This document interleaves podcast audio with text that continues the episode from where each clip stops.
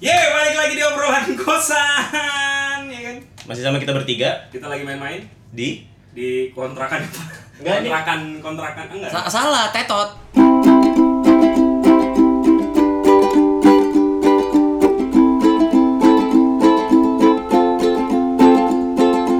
Balik lagi di kosan, ayo kita obrolkan segala permasalahan.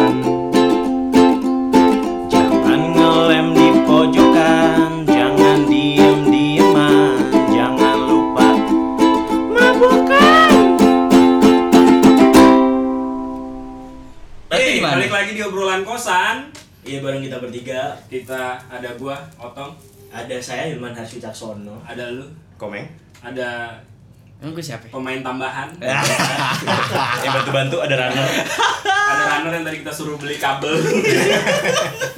di Joni, silakan nggak usah dikenalin dirinya. Enggak usah Ojan kon. Wih, Dan Nama aslinya? Ada deh. Oke, jadi malam ini kita lagi ngobrol-ngobrol sama siapa sih, Meng? Sama tidak lain dan tidak bukan Yoi Yes. Seorang- Apa sih ini capster apa hairdresser apa hair artist? Eh, Hair artist. Hair artist Hair Keren, artist. keren. Kenalin sendiri aja dulu dong. Namanya siapa? Oke, nama gua Tengku Fadli. Gua sebagai hair artist di Yogyakarta. Tapi tapi eh, sebelumnya untuk mulai ini kita sapa-sapa dulu ya yang dengerin kita selama ini. Oh iya. Iya, buat teman-teman yang udah support obrolan kosan. Asik. Buat pendengar setia maupun yang gak setia Benar, benar, benar. Buat yang di mobil walaupun tidak di mobil lah. Yang lagi wudhu hati-hati HP-nya kena air Bay. Lagi wudhu dengerin tuh ya? Ada. Oh, ada ya? Panjang banget coy udah. Oh, udah. Terima kasih buat teman-teman yang udah support kita sampai di sini. Eh, jangan lupa apa itu? Terus dengerin obrolan kosan ada di Spotify, ada di Apple Podcast, ada di Google Pods, ya kan? Semuanya lah. Oh iya mau ngingetin penting nih buat yang dengerin di Apple di Apple Podcast tuh kita, kalian please kasih review Rating. kita dong. Iya. Ini yang live kasih review ya. Ya. Kasih bintang-bintangnya buat kita. Di sini nggak ada yang nonton ya? Itu ada tuh. Gimana dulu? Gue gue nonton deh, gue nonton gimana? Gimana? Sore keluar. Nonton nonton. Buat yang di Apple Podcast kasih review lah buat kita kasih bintang 5 lah ya kalau Iya. bisa kasih review yang baik-baik. Oke, Langsung balik lagi. balik lagi ke topik. Kita balik lagi ke laptop. Jadi, Topik apa laptop nih masih. Jadi Tungku Fadli ini orang mana sih? Sebenarnya eh, aslinya Kalimantan Tengah. Oh, Kalimantan. Eh, eh, Kalimantan Tengah, tepatnya di Pangkalan Bun. Pangkalan. Iya, Pangkalan Bun. Ibu kotanya Palangkaraya. gue udah pernah. Oh. Iya, lu kan emang Emang Lu anak sono lo. Emang orang sana. Kaltim, Oh, Kaltim. Di mana? Bontang. Oh, Bontang. Kalimantan. Bro. Udah lah ya ya. Dunia semakin, semakin sempit kan Gue udah menyempitkan dunia berarti Berarti lu di Jogja dari tahun berapa? 2010. 2010. Mm, dari 2010. Emang mau nyukur apa mau syukuran? tadinya kuliah. Ah, Eh, ngambil oke. kuliah di Stimik Amikom. Oke. ngambil sistem informasi cuman kan dulu waktu kuliah itu kepengennya dari orang tua sebenarnya Eh, paksaan dari orang tua buat eh, masuk ke Amikom cuman kan di situ emang aku sebenarnya tadinya pengen ngambil di dunia fotografer di diisi pengen ngambilnya diisi cuman orang tua nggak ngerestuin. Pengennya di Amikom ya udah ngikutin kemauan orang tua. Oh iya. Nah, SI keren. dari SI kok bisa nih jadi apa head artist? ya? Banting setirnya Nah, apa dari kecil emang suka motongin orang? Atau emang lu, pe- lu bantingnya tuh komputer Motongin Motongin orang. Di sayat-sayat deh. Iya, iya. Gimana sih? Das. Orang jagal kan. Yang jagal kali potongin orang. Oke lanjut lanjut Iya. Jadi ceritanya dulu eh, aku pribadi emang dari kecil tuh emang suka banget dengan model-model rambut. Nah, dulu pertama kalinya ngikutin tren potong rambut itu waktu di film sinetron eh, sinetron Panji, Panji Millennium masih ingat nggak? Oh lu terinspirasi sama Ah, dari situ. Primus. Iya, Primus. Ya dari Primus, Primus. Nah, da- itu itu potongan pertama kalinya aku bisa ngikutin model rambut yang waktu tren dulu gitu loh. Jadi dari kecil tuh emang suka dengan model rambut kayak gitu.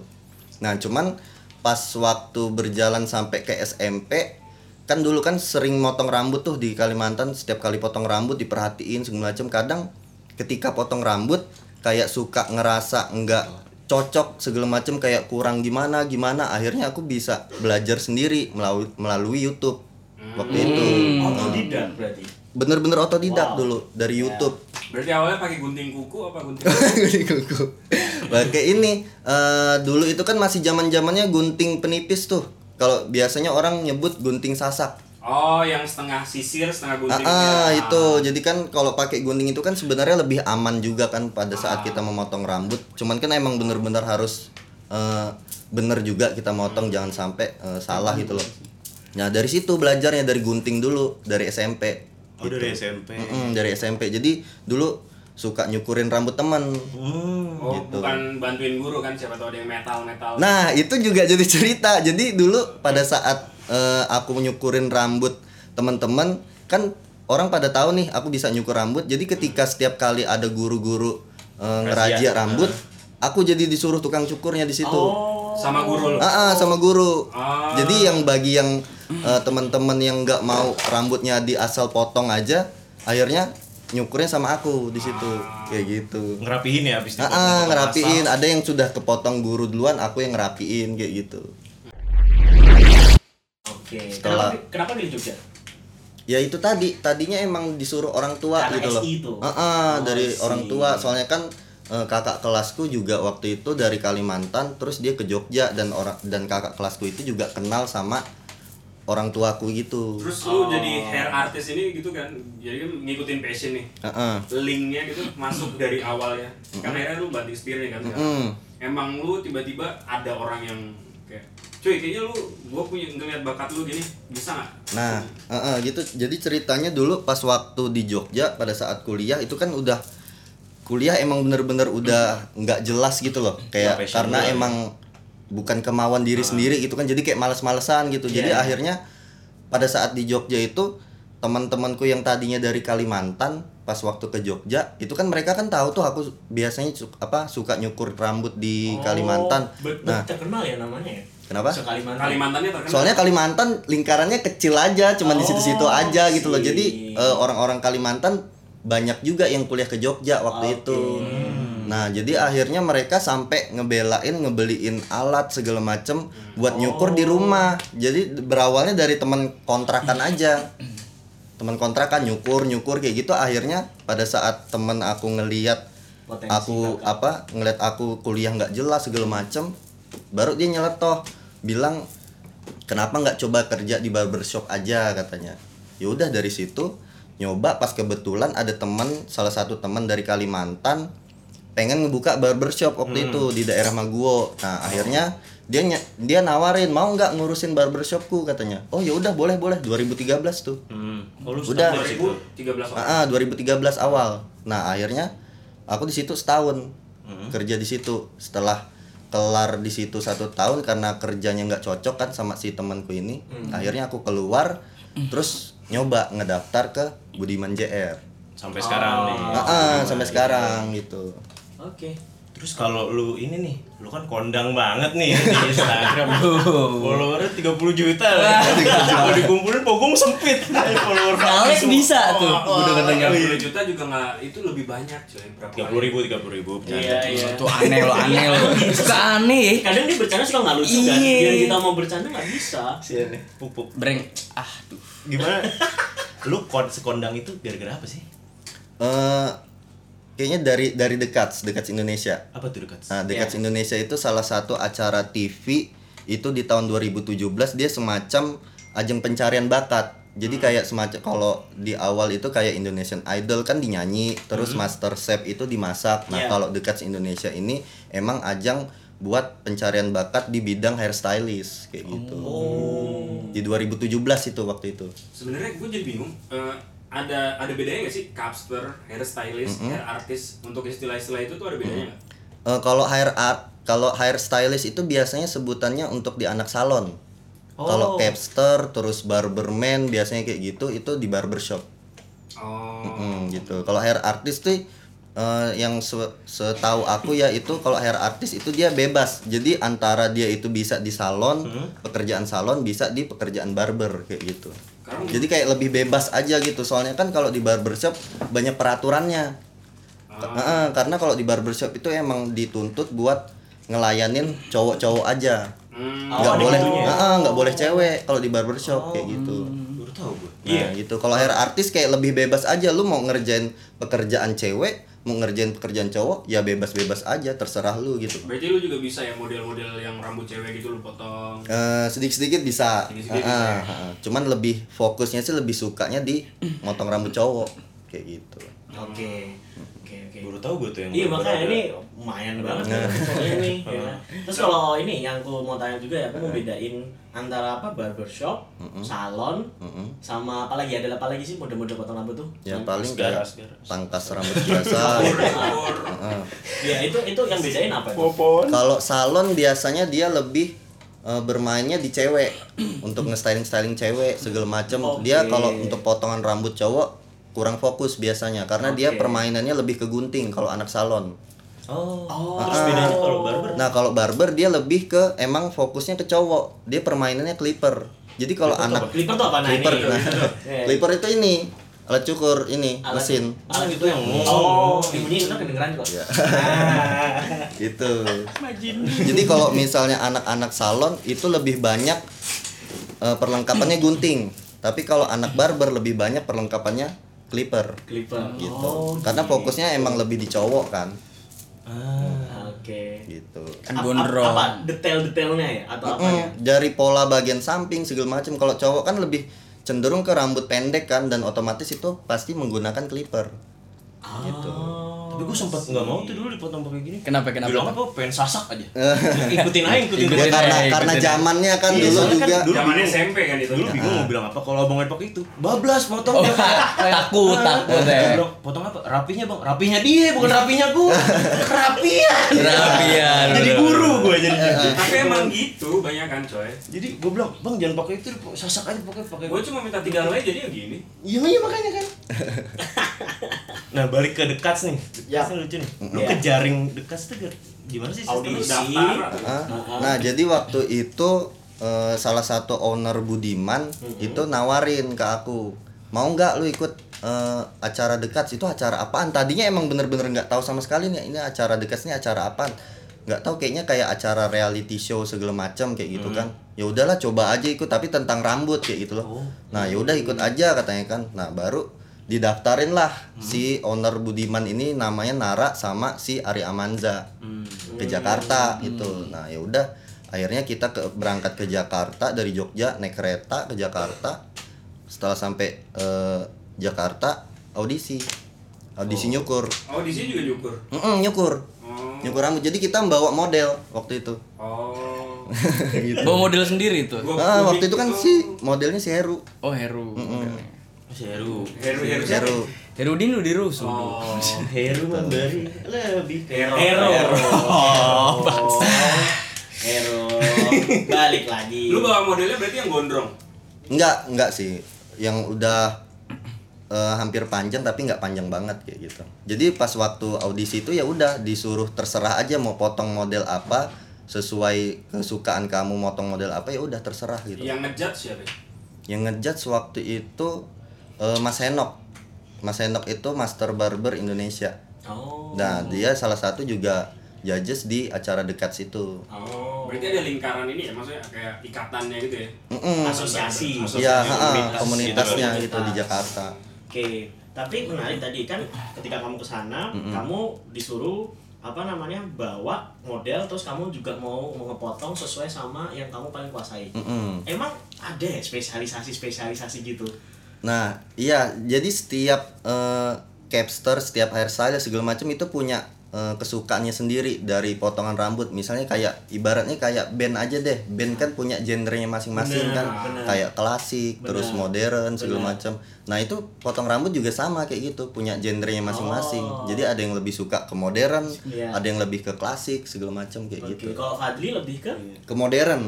modern. Mm-mm, lebih ke, ke modern. Mod- modern tuh yang kayak mana ya? Nah, modern itu dia nggak biasanya tradisional. Iya Ah, tahu anjing. Ini orang kenapa sih? Serius Kenapa sih, bro? Oh, omelin, omelin, omelin. Gua jadi kuas ya.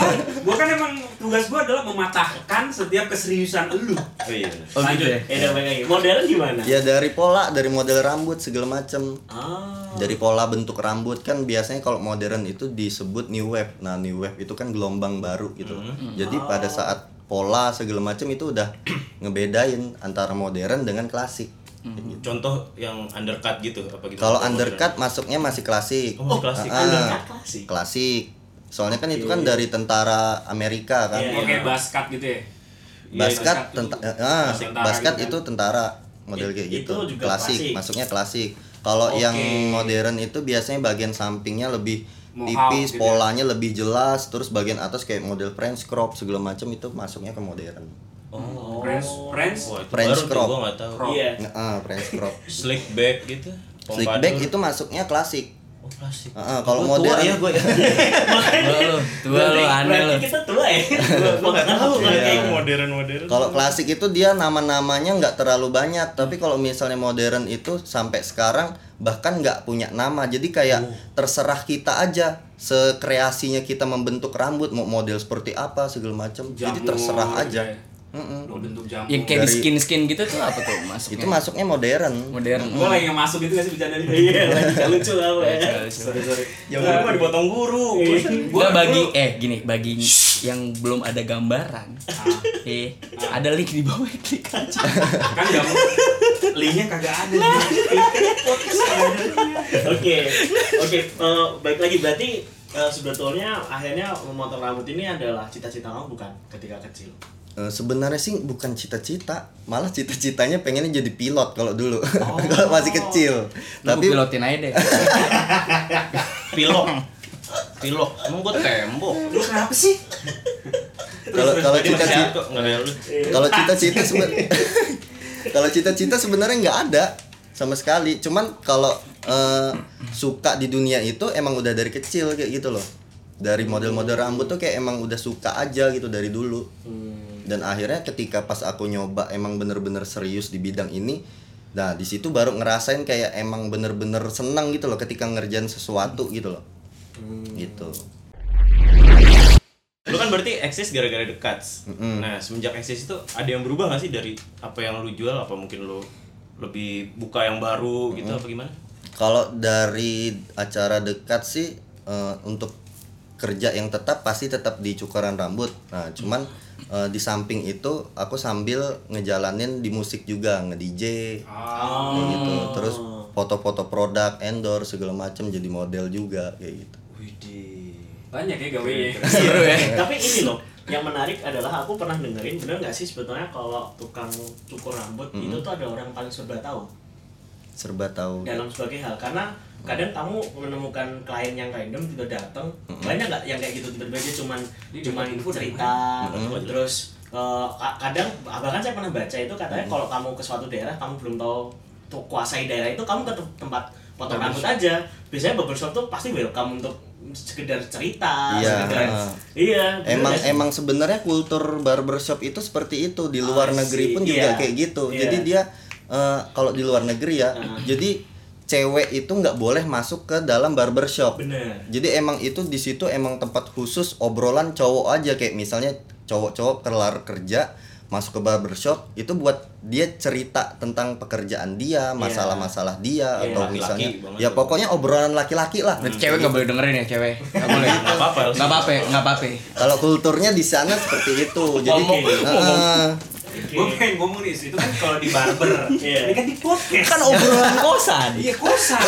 Bukan obrolan cowok, bukan. Iya, bukan obrolan cowok. Bukan obrolan barber, bukan. Iya. Bukan. Nah terus kalau balik lagi ya ke konteks barbershop di Yogyakarta, gimana sih? Gimana? Kita kan nggak tahu nih apakah skenanya seperti itu juga. Terus habis itu banyak orang yang datang cuma ngobrol, cuma sekedar sebagai sebuah apa ya nilai eksistensi atau kadang dat- orang tuh datang belum tentu potong ya, padahal masih cepat atau masih pendek tapi pengen datang aja pengen ngobrol. Kayak gitu Kalau- nggak di Jogja? Kalau di Jogja sih enggak sih. Rata-rata kalau aku lihat ya nggak cuman di Jogja aja, di luar Jogja pun pokoknya di Indonesia ya kalau emang datang ke barbershop ya emang pengen cukur aja kayak gitu. Ah. Nih, gue punya cerita lucu tuh. Lucu nggak nih? Enggak sih Ya sebenarnya. sih sebenarnya. Ya, Karena dulu bokap gue suka ngomong gini kalau lu dicukur, Hmm? lu jangan pernah mau yang pakai pisau itu apa sih namanya di Oh, street razor, Iya, yang kayak lu dikasih pakai razor. Iya, yang dikasih sabun di sini. Ya. Silet-silet itu ya, Silet, iya. kan. Katanya ada takutnya ada orang yang HIV, Mm-mm. terus darahnya nempel di razornya Ya. ini, Mm-mm. terus ntar kegerus sama ini, lu jadi HIV gitu. Itu Oh. benar gak sih? Ya itu emang bener, cuman kalau yang itu kan kalau misalnya si tukang cukurnya ini nggak mengganti produknya atau nggak dimasukin ke tempat steril kayak gitu loh. Setiap kali menggunakan itu. Jadi kan kalau misalnya kayak di Indonesia kan orang lebih banyak menggunakan silet segala macam. Nah itu silet itu harus bener-bener keti- buat satu orang aja nggak boleh yang sampai lebih dari satu orang. Oh. Kayak gitu. Soalnya kalau cukuran desa nggak pakai ini foam gitu. Kan ada jilet foam. Oh, kalau- Harus Iya. pakai sabun coy. Oh iya, pakai sabun iya, udah udah udah. Ya, Iya, gue kan cukurnya di kampung. Oh iya, cukurin lu. Iya. Karena gue seneng gue biasanya digituin dicepet. Eh lanjut yang serius nih. Iya, iya. Eh, Boleh nggak nih? Gue nanya nih. Oh, coba coba coba. Iya, tipis ya, tipis-tipis ya. Eh, eh, John, Iya.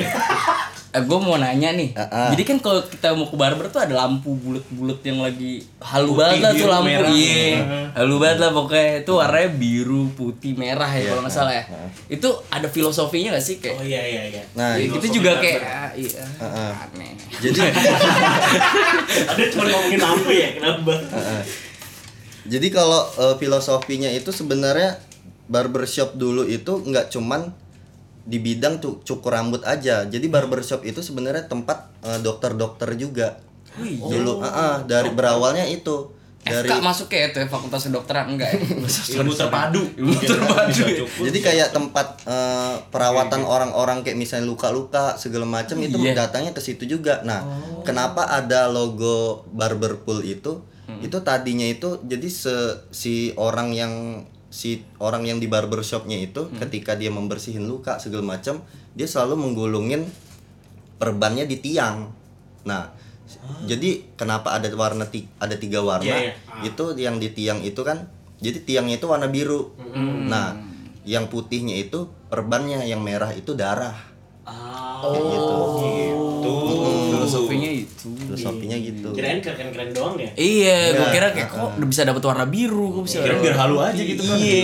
Apaan sih ini gitu ya. Dateng dong di sini gitu. Dan kastanya juga sebenarnya kalau orang yang di bidang barbershop itu sebenarnya kalau di zaman dulu kastanya itu lebih tinggi karena si tukang cukur di barbershop ini bukan tukang cukur sembarangan. Jadi dia emang nyukurnya itu emang di orang kerajaan-kerajaan kayak gitu. Kalau Kayak zaman film dulu. itu nggak sih kayak filmnya Johnny Depp, tau nggak lu? Iya Johnny Depp. dip kedalaman. Iya benar. Dep cekungan aja gitu ya. cekungan aja Dep. Kalau saya utang bego. Jadi cegok ya. Cegok. Kenapa sih Don Johnny cegokan Johnny kenapa? Depp juga ada tuh filmnya dia dia jadi The Barber apa ya judulnya? Salah. Oh iya, dia ada filmnya. cukur pencukur rambut. Tapi dia nggak nyukur. Dia ngebunuh orang pakai razornya itu. Oh, Ah, Coba bangor. deh, Filmnya cari. bangor enggak? Bangor. Serem serem. Itu selingan aja ya. Iya selingan aja Depp. Tahu. Selingan aja. Aneh. kan? Aneh kan, Terus aneh berarti mulai. lu selain nyukur nih dan DJ juga sampingan Heeh. apa aja nih? Instagram kali lu? Eh. Menghasilkan nggak tuh? Yoi. ya kalau Instagram cukup lumayan. Cukup apa lumayan nih? Gimana nih? boleh nih, ada ada dua nih soalnya. Cukup apa lumayan nih? Jadi lumayan nih. Oh berisik nggak boleh. ya? Lumayan. Ah, lumayan. Iya lanjutin. Diem lumayannya berapa tuh? Ya lumayan lah pokoknya. Lumayan lah Lumayan, pokoknya. Cukup, Pokoknya kalau kalau mau buat makan sehari-hari. Sehari-hari berarti banyak tuh harinya tuh ya. Oh iya benar sebulan jadinya. Hari hari hari bulan. Apalagi kan kamu merantau nih, ya kan itu lebih ya pasti kalau untuk merantau standar UMR di atas lah ya. Hmm. Oke. Menarik, menarik, menarik. Eh terus lu katanya ngajar juga. Ya ngajar juga Ah. sekarang. Lu kata siapa? Lu kata siapa lu? Soto yang Enggak tahu tadi ada. Iya bener bener kata di head headphone gue. Tadi di Ada di ada. gitu. ada yang ngasih tau gue lewat headphone. Nah, iya, SMS kali lu masih SMS kan lu zaman Phone friend, phone friend. gue di sini. Terus terus gimana itu? Nah lu ngajar tuh awalnya gimana? Kagak ada yang nonton ya. Ya awalnya setelah kelar di dekat, Hah? eh, terus banyak tiba-tiba di Instagram segala macam banyak yang minta kak bisa ngajarin aku nyukur segala macam. Dari requestan Ah, orang ah, berarti. requestan orang. Jadi pas ketika ngelihat banyak requestan kayak gitu, eh, akhirnya aku sama Nara kenapa kita nggak ngebuka Sekolah. sekolah aja gitu. Oh. Ya udah, akhirnya kita ngebuka situ. Dan alhamdulillahnya ternyata banyak Ih. yang Oh, ikutan ya gitu. Terus kalau kita kita mau mau nyoba nih hal baru, gue pengen sekolah nih gitu, gue pengen sekolah nyukur gitu, itu bisa hubungi siapa gitu? bisa langsung hubungin ke adminnya Adminnya apa Apa namanya? nama? Ada Instagram? Instagramnya apa? Eh, melalui WA sih Oh. kalau Instagram pribadi untuk yang di barber schoolnya belum ada belum ya Nah, apa bisa ke pribadi. eh, Instagram Tunggu Fadli sendiri atau Ya, ke ha. Budiman atau ke mana? Iya bisa ke Budiman Bisa, bisa, bisa. ke Tengku Fadli Oh. juga bisa berarti. Ke gua bisa ya? Bisa ya? Oke, siap. kan lu asistennya Asisten Lu Aspri. kan runner tadi. Runner, gue tukang lari ya. Lari terus. Ada kabel kurang lu pergi ambil. Gitu ya.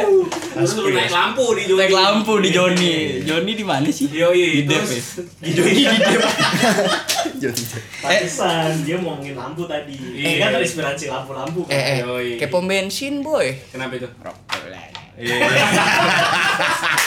Karena di pom bensin nggak boleh ngerokok. Nggak boleh, nggak boleh, nggak boleh, nggak boleh. Aneh kan, aneh. oke oke oke Terus gue punya juga nih kayak bokap gue dulu percaya banget sama yang cerita-cerita kayak eh, bokap lu banyak peran ya di sini Banyak peran ya, banyak peran bokap lo ya. Bokap gue Dapat- bisikan perannya. dari siapa? Bokap gue banyak. oh iya Banyak.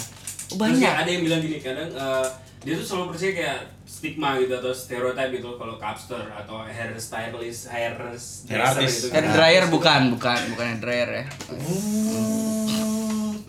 Kagak, itu sorry sorry kayak gue gak tau maksudnya apa ada yang apa rada rada ngelambai gitu loh. Lu, Ah, lu sendiri percaya nggak dengan dengan maksud gua eh, gimana sih komentar lu menanggapi komentar yang kayak gitu? kurang laki Kalau- lah Ah, Kalau kayak gitu sih sebenarnya, nah jadi aku waktu di dekat itu pernah nyobain. Jadi ketika kita mengerjakan pekerjaan di salon dengan di barber itu, sebenarnya kenapa orang-orang jadi ngelambai kayak gitu? Bukan karena pribadi dia itu ngelambai sebenarnya, tapi emang dari teknik gestur badan kita segala macam pada saat mengerjakan rambut panjang dan rambut pendek itu emang berbeda. Jadi emang kayak lebih eh, harus setiap- lebih luas Ah, lebih luas kayak gitu. Jadi kayak lengkungan tangan segala macam tuh itu ngaruh juga pada saat kita motong rambut. Dan kuda-kuda kaki pun juga ada pergerakannya juga. oh udah kuda kuda Mm, pakai kuda-kuda juga. Kalau diceritain bisa agak gimana gitu gitu. hmm gitu total banget orang Tots ya. Kan kalau YouTube lucu banget cuy gua ada gini Lebih dari TV soalnya. gitu. Mungkin emang ketika orang awam ngelihatnya emang kelihatannya rada ngelambai, cuman nggak nggak semuanya itu ngelambai semua tuh enggak. Gue kira, gue kira tuh selama ini acting doang loh. acting Iya, kayak gitu ya kan. Biar Dulu, kayak wah gila. agak-agak takut sih ke salon Iya Ya, karena sama itu, cuy, kan. iya. Enggak Kayak dipegang. Enggak, gue suka bingung waktu itu pas ke salon nih. Tampilannya sih cowok, ya kan. Tapi orang-orang tuh dia gondrong dikit gitu ya kan. Kayak gue bingung manggil mbak apa mas apa tante tuh. Pas ngomong juga halus Iya pas ngomong, ay ke mana? Aduh fuck Dan man. mungkin juga kalau misal di salon kan bertemunya juga lebih sering dengan cewek Cewek, kan iya, dan iya. obrolannya juga Bener, sama cewek segala oke. macam dan kita harus lebih aktif gitu loh ngobrolnya dengan cewek kan berbeda kan ngobrolnya dan cowok jadi kayak ngobrol dengan cewek harus lebih lembut segala Oh, macam kayak nyepik cewek meng, nggak tahu ah, lu pada Nggak tahu gua. nggak tahu ya. Nggak. Kalau nyepik cewek kan lu jagonya. Majimbu yang jago. kita ngomongin ini nih goals lu di 2019 nih. Lu bakal ngerjain apa? Atau ke depannya deh ya. Ke depannya sih ada ren- baru nggak? Eh, seorang Fadli. kalau ke depan sih eh, rencananya pengennya punya barbershop di mana-mana gitu loh amin amin Amin. cabang di mana-mana Ah. gitu amin amin ya Allah amin amin Oh iya, gue mau nanya dong, boleh nggak sih? enggak Ah, nanya ke siapa ya? Eh, anak-anak. oh iya eh, bener gak sih eh, barberman itu eh, identik dengan tato? Enggak Ah, juga sih sebenarnya. enggak juga ya? Oh, oh. Tergantung pribadi kita aja. Tergantung. Ya kalau kadang sih biasanya kalau emang anaknya emang suka seni ya Hmm. pasti suka dengan gambaran-gambaran kayak gitu. Enggak enggak mesti harus diidentikin dengan tato segala macam enggak. Iya. Kan berarti banyak suka juga. seni nih Ya emang suka seni. Iya. jadi dia Karena kan motor rambut juga sens. iya Iya, seneng. makanya- Seneng, bisa, seni bisa, sendu bisa, bebas. sensitif bisa Sens, sens, Ah. eh, sens. jauh jauh jauh Jauh, jauh, jauh. Eh, ini agak nyimpang nih, tapi tato lu ada yang paling berarti nggak nih meaning? Eh, berarti. Badan lu Kalau nggak tato pertama deh atau tato ah, tato tatoan atau bohong. Kalau tato pertama dari ciki ini freedom, kebebasan. Wih. Uh. Lu Karena gue dulu pengen lebih bebas, Bebas aja gitu dari ya. orang tua. Karena orang tua banyak ah, banyak Weh. masukan ngelarang-larangnya ini itu ini itu gitu loh. Bahkan di bidang rambut pun sebenarnya orang tua tadinya bener-bener ngelarang banget dan sampai pernah berantem gitu loh sampai nggak Iya. teguran segala macam Iya, iya. Oh iya gitu. sampai Mm-mm. separah itu. Yang Gara-gara lu salah potong rambutnya. Enggak, ini serius. Iya bisa. Saya teguran kena skors. Oh iya.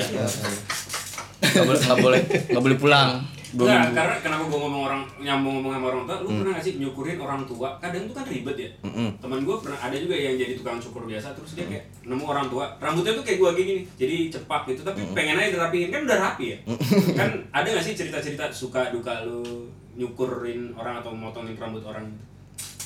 Hmm, selama ini motong orang tua ya biasa aja sih cuman bedanya kalau nyukur sama orang tua kita harus lebih pelan-pelan obrolannya juga lebih sopan segala macem. Dan karakter rambutnya juga kalau rambut orang tua biasanya lebih kasar. Oh, lebih kasar? Oh, gitu. lebih kasar. Bukan lebih halus enggak ya? enggak kalau lebih halus kan masih yang muda-muda kayak gitu loh. Kalau misalnya orang tua pasti lebih kasar karakter Kenapa bisa rambut. gitu? ya mungkin karena dia udah pigmen rambutnya udah mulai mati ke uban kan pasti kasar kan. Coba pegang kepala bapak lu. Coba ya. oh iya, eh bentar bentar. Ini kan ngomongin cukur sama orang tua. ya. Lu pernah nggak nyukur rambut orang tua lu sendiri? pernah Pernah? pernah Gimana lu lu macem-macemin atau lu pilok-pilok enggak ya? Enggak ya. sesuai sorry, sorry dong. Dikira anak SMA lulusan. Iya. Wah lu, wah lu, wah. Atau pernah nyukur rambut-rambut yang lain gitu? Enggak ya? enggak Enggak ya? Dalam banyak aneh, aneh lu mulai aneh. Aneh. Lu kenapa sih?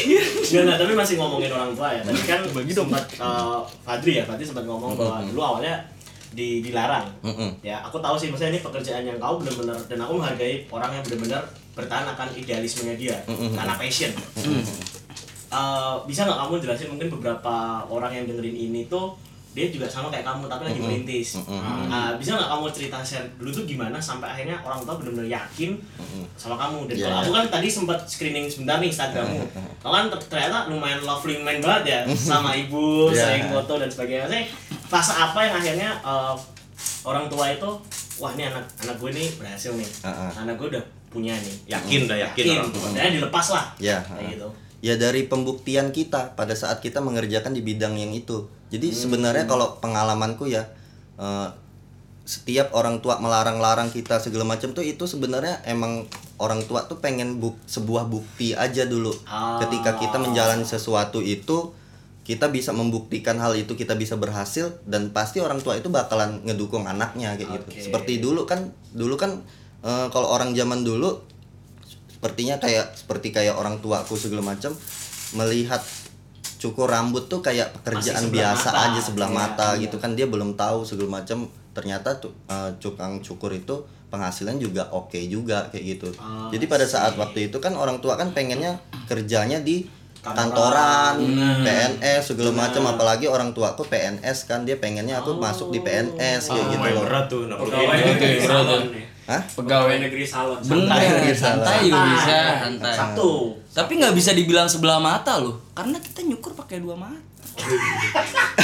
Lu aneh, aneh, aneh. Lu boleh keluar. Lu kenapa sih, Bro? kenapa sih lu? Oke, itu fasenya berapa tahun Fadli? Eh, Dari kamu membuktikan sampai akhirnya sekarang orang tua mengapresiasi kamu. dari awal terjun di dunia barbershop dari 2013 jadi dulu orang tua taunya aku masih kuliah Oh. terus pas aku- Sembunyi-sembunyi berarti. ah, jadi Nggak bilang-bilang ah, ya. jadi kerjanya emang sembunyi-sembunyi pada saat itu jadi ke Backstreet lah itu. Iya benar. Jalan Ah.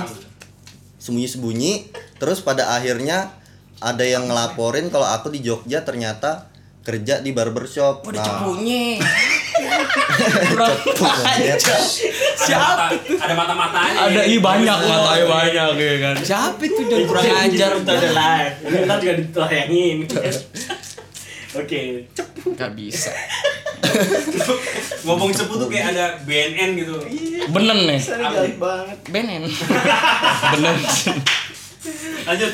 Oke. Terus jadi pas pada saat ketahuan langsung dimarahin tuh itu ngapain kamu jadi tukang cukur kamu ke Jogja itu niatnya kuliah bukan jadi tukang cukur. Nah pada saat itu disuruh kuliah lagi nih. Nah a- jadi di barbershop itu udah mulai mengurangin kerja di situ. Kuli nyoba kuliah lagi dalam waktu sebulan. Pas pada saat sampai sebulan itu kayak ngerasa ah udahlah ini bukan aku banget. Aku soalnya ngerasanya emang kayak nggak ada ke kenyamanan di kuliah situ gitu Iya. loh. Jadi pada saat itu akhirnya udahlah bodoh amat. Pokoknya aku pengen ngerjain sesuatu yang emang bener-bener aku suka aku nyaman bekerja di situ. Akhirnya aku memilih barbershop dan meninggalkan kuliah. kuliah. Nah di situ emang bener-bener crash banget kan sama orang tua. Iya.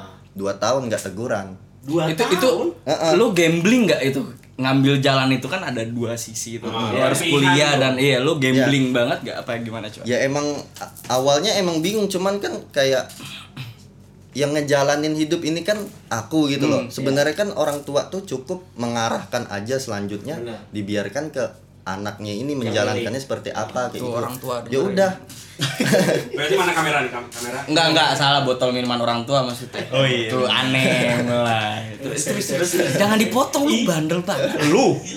terus oke orang tua Nah, ya udah akhirnya di situ aku milih barbershop udah nggak meduliin ya udahlah ntar mu- mungkin kalau misalnya aku bisa ngebuktiin di sini mungkin orang tua juga bakalan nerima juga akhirnya kayak gitu. Nah udah fokus di barbershop. Jadi dari orang tua emang bener-bener udah nggak ngenegur lagi selama 2 tahun. Itu dari uang jajan segala macam uang rumah segala macam bener-bener di stop nggak dikirimin lagi. Jadi emang mengharap dari hasil cukuran aja. Nabung segala macam terus nyoba kerja sambil nyuci sepatu juga. Jadi setiap kali kayak habis nyukur nyuci sepatu di rumah nerima punya teman segala macam terus sambil nyukur juga tuh di rumah. Di rumah tuh kalau nyukur itu cuman budget 10.000 ribu doang. Jadi kayak buat tambahan-tambahan aja di, si- di di samping bekerja di barbershop itu gitu loh. Buat buat ya buat hidup kayak gitu. Oke. dan pasti namanya usaha nggak bakal ngianatin hasil Iya itu. Kerja siang keras kan proses. banget Jadi emang. emang bener-bener nikmatin proses banget dan Iya. pada saatnya tembus di dekat di situ orang tua baru terbuka. Oh ternyata kamu emang eh, fokusnya di sini dan kamu nyaman bekerja di sini. Ya udah Iya. terserah kamu aja lah. Sama Yang penting kamu. TV ya Ya alhamdulillah. Terima kasih. terima kasih Trans TV Sedih ya.